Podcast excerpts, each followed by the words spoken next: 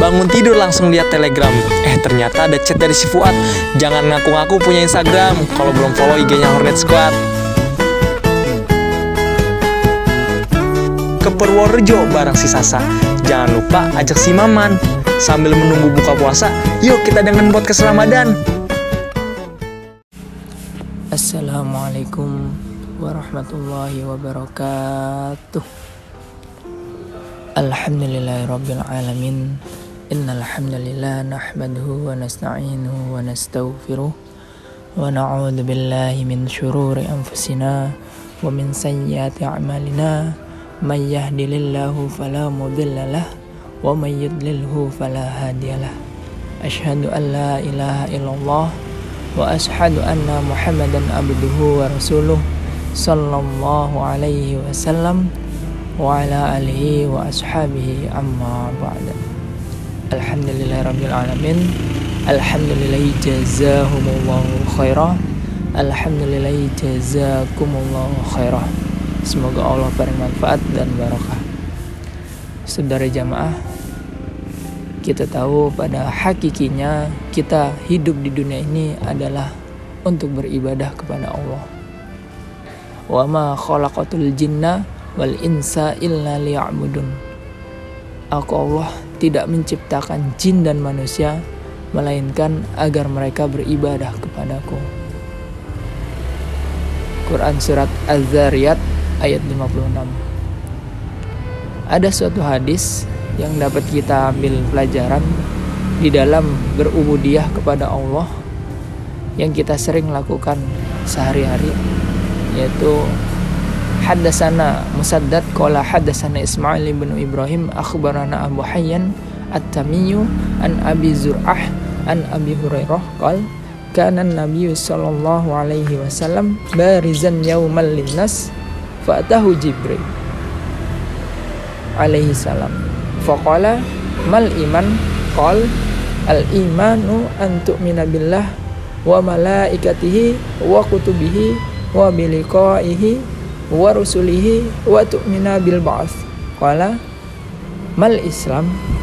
Qal al islamu an ta'budallah wa la tusyrika bihi syai'an wa tuqima shalah wa tu'addiya zakah al mafruḍah wa tasuma ramadan qal mal ihsan?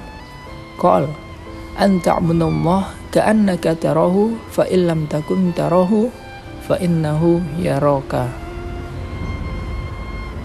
hadis dari Abu Zur'ah dari Abu Hurairah berkata bahwa pada suatu hari Nabi muncul keluar kepada para sahabat. Kemudian datanglah malaikat Jibril alaihi salam yang kemudian bertanya apakah yang dimaksud iman itu?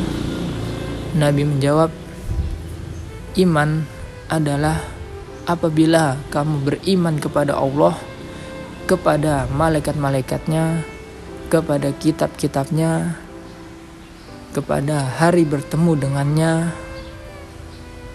beriman kepada rasul-rasulnya, dan kamu beriman kepada hari akhir atau hari kebangkitan. Kemudian Jibril berkata lagi, bertanya lagi, Apakah yang dimaksud Islam itu?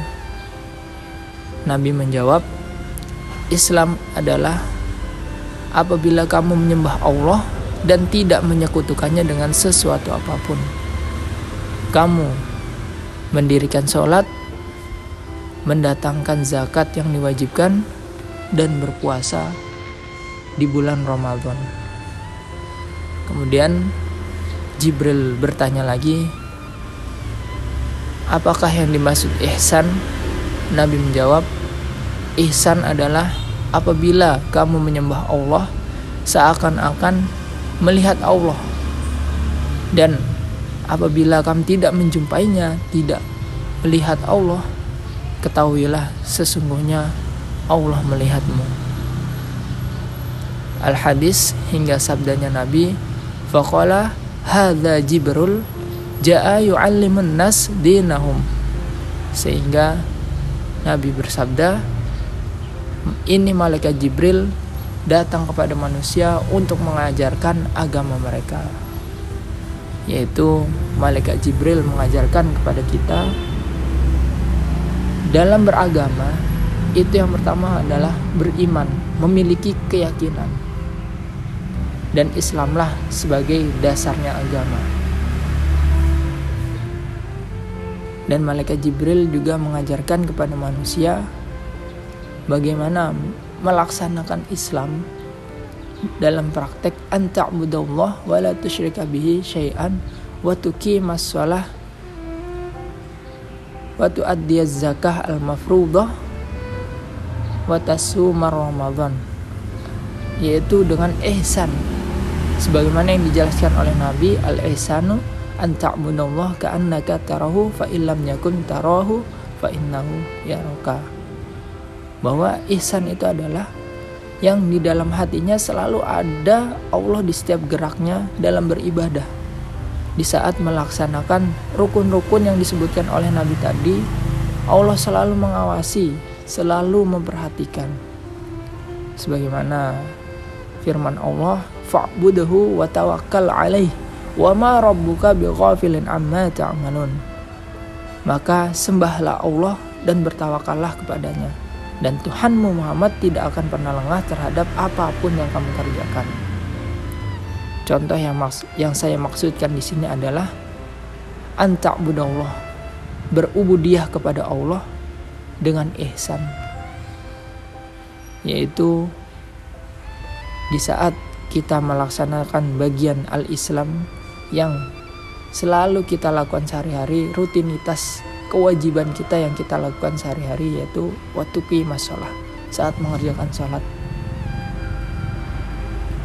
Yaitu momen di mana kita deep talk dengan Allah.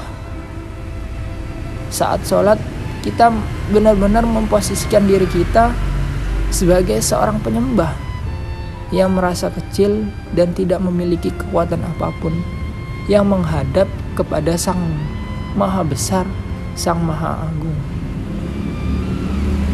Ya, benar-benar memposisikan kita iya karena abudu wa iya karena stain. Hanya kepada Engkau lah saya menyembah ya Allah. Hanya kepada Engkau lah saya meminta pertolongan. Dan meminta ihdina siratal mustaqim, meminta tunjukkanlah ke jalan yang lurus, ke jalan yang benar.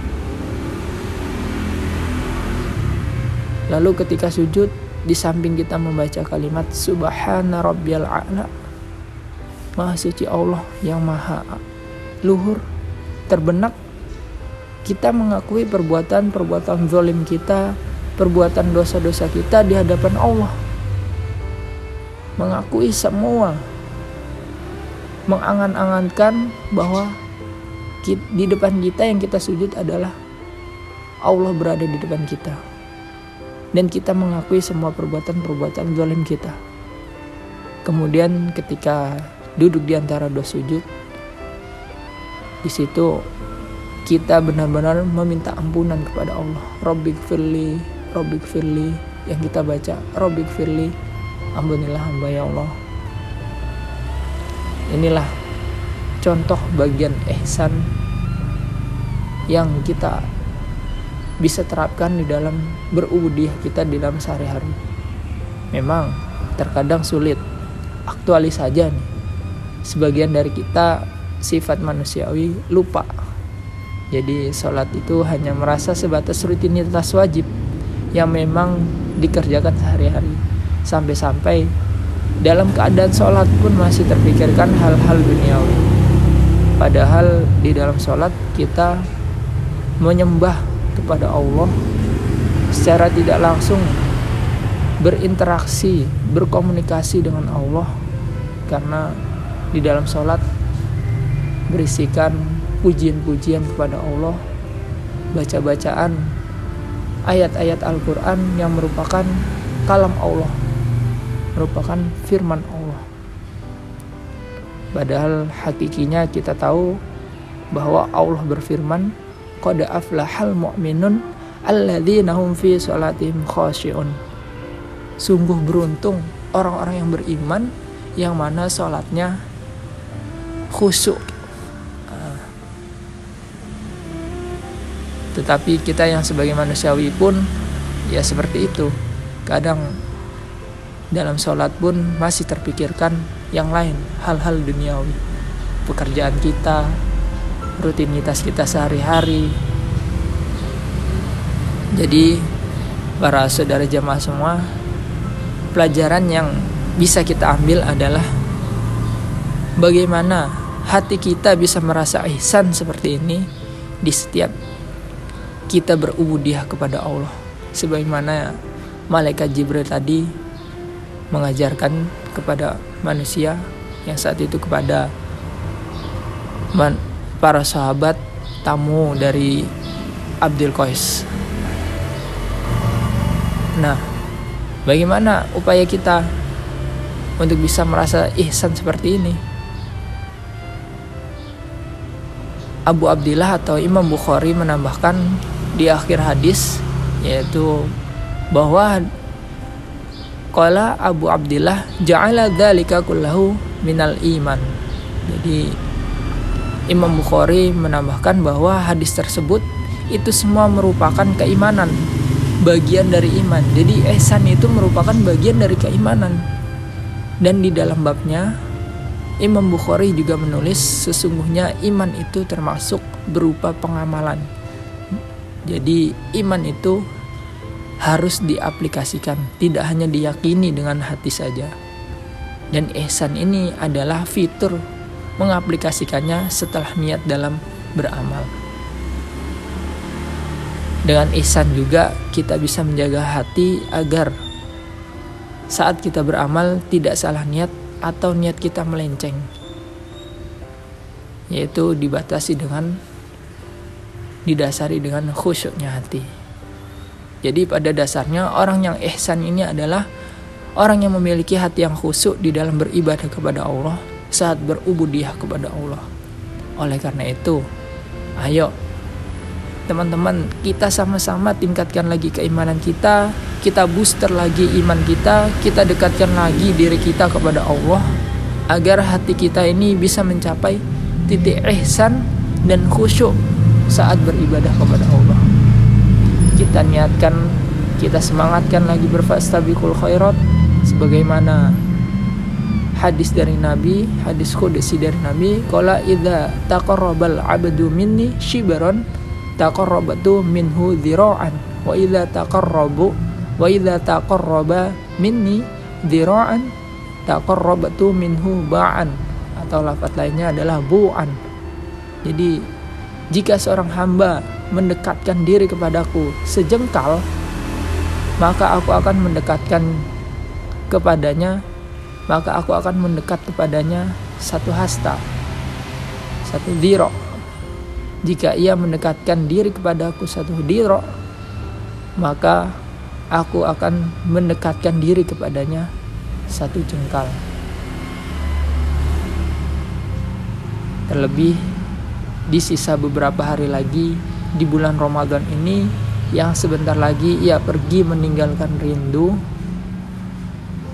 Ini adalah kesempatan kita opportunity kita kita manfaatkan betul momen ini untuk memulai dan membiasakan sesuatu yang baik dalam beramal meningkatkan keimanan dan ketakwaan kekhusyuan hati di dalam kekhusyuan hati kita di dalam berubudiah kepada Allah.